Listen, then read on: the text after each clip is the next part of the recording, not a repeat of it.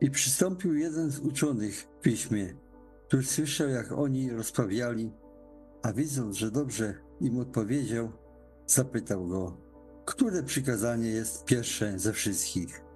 Jezus odpowiedział, pierwsze przykazanie jest to, słuchaj Izraelu, Pan Bóg nasz, Pan jeden jest. Będziesz wtedy miłował Pana Boga swego, z całego serca swego i z całej duszy swojej, i z całej myśli swojej, i z całej siły swojej. A drugie jest to, będziesz miłował bliźniego swego, jak siebie samego.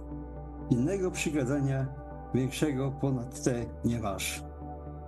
Rzekł do niego uczony w piśmie, dobrze nauczycielu, prawdę powiedziałeś, że Bóg jest jeden i że nie masz innego oprócz Niego i że Jego miłować z całego serca i z całej myśli i z całej siły, a bliźniego miłować jak siebie samego, to znaczy więcej niż wszystkie całopalenia i ofiary.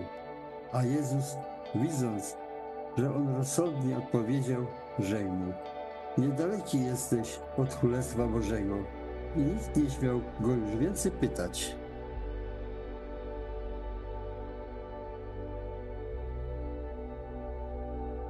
Całego serca szukam Ciebie. Nie daj mi zboczyć od przykazań Twoich.